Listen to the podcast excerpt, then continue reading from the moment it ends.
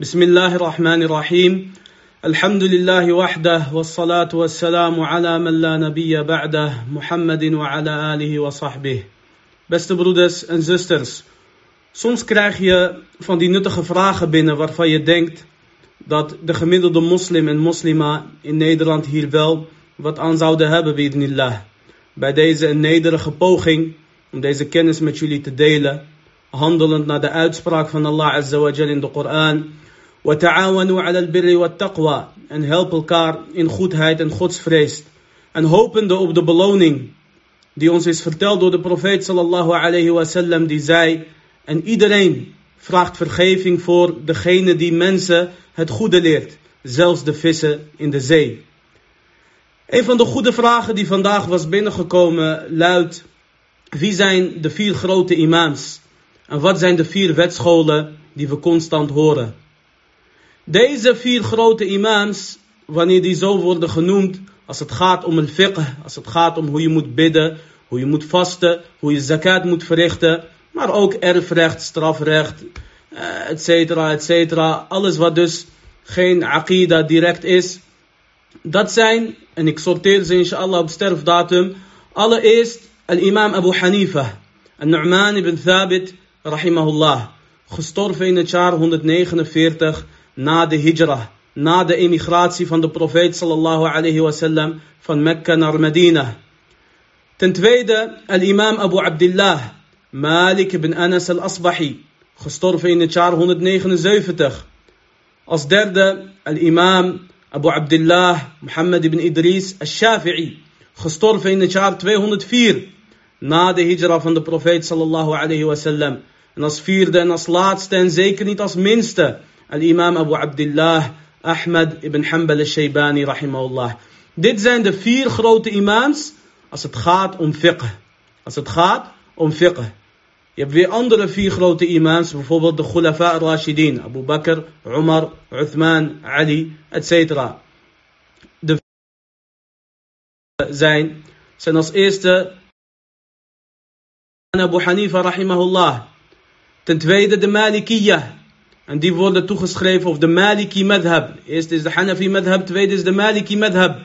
En de tweede wordt toegeschreven aan de imam Malik rahimahullah. De derde is de Shafi'i madhab. En die wordt dus toegeschreven aan de imam Shafi'i. En de laatste is een Hanbali madhab. En die wordt toegeschreven aan de imam Ahmad rahimahullah. Je ziet duidelijk binnen de ummah dat elke streek ongeveer zijn eigen madhab heeft. Zo is bijvoorbeeld bijna heel Azië, en het bekendst voorbeeld daarvan is Turkije, maar ook de helft van Egypte, die zijn op de Hanafi madhab, meestal. En de Shafi'i madhab is weer juist actief in Indonesië, Maleisië, maar ook in Jemen.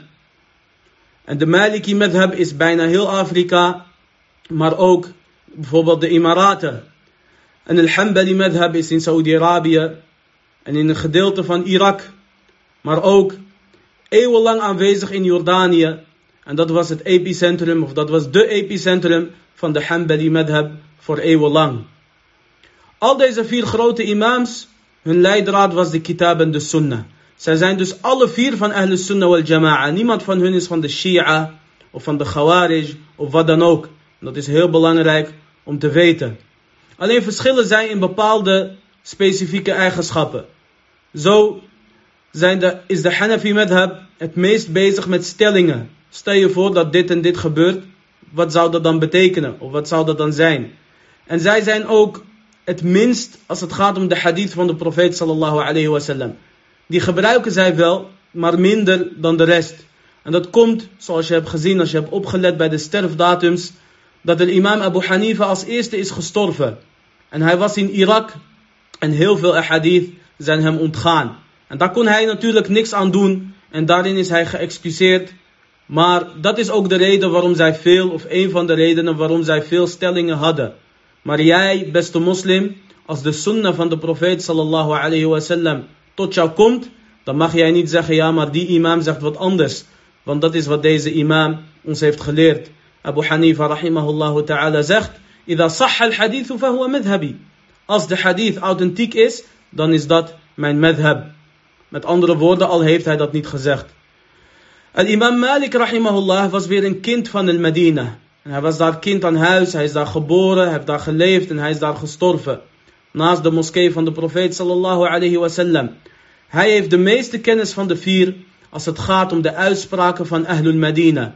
Die toch in zijn tijd al de kinderen en de kleinkinderen van de, van de, van de Sahaba en zelfs van de profeet sallallahu alayhi wasallam waren. Al-imam al-Shafi'i rahimahullah is weer de sterkste van de vier als het gaat om de Arabische taal. Hij was bijvoorbeeld een geweldige dichter en poëet en hij heeft geweldige poëzie geschreven. Een gedeelte daarvan hebben we genoemd in onze lessen over de drie fundamenten. De laatste en zeker niet de minste van hun is de imam Ahmed. En hij kende maar liefst 1 miljoen ahadith uit zijn hoofd. En van de vier heeft hij de meeste kennis als het gaat om de overleveringen, de ahadith van de profeet sallallahu alayhi wasallam. En zelfs de imam al-Shafi'i gaf dat toe. Ahmed is de student van al-Shafi'i. Al-Shafi'i is de student van de imam Malik. En imam Malik is weer de student van bijvoorbeeld Nafi' een slaaf en een student en een metgezel van Ibn Umar.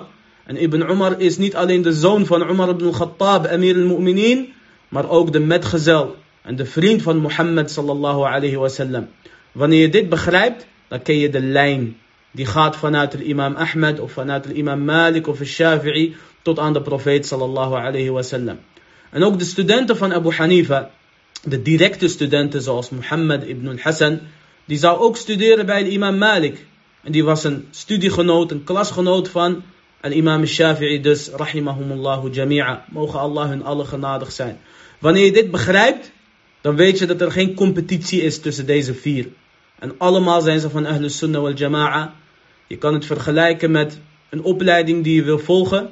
En die kan je aan meerdere universiteiten volgen. En elke universiteit heeft zijn pluspunten en zijn andere verschillen, kleine verschillen tegenover de andere universiteiten, maar bij allemaal kun je dokter worden, of technicus, of wat dan ook.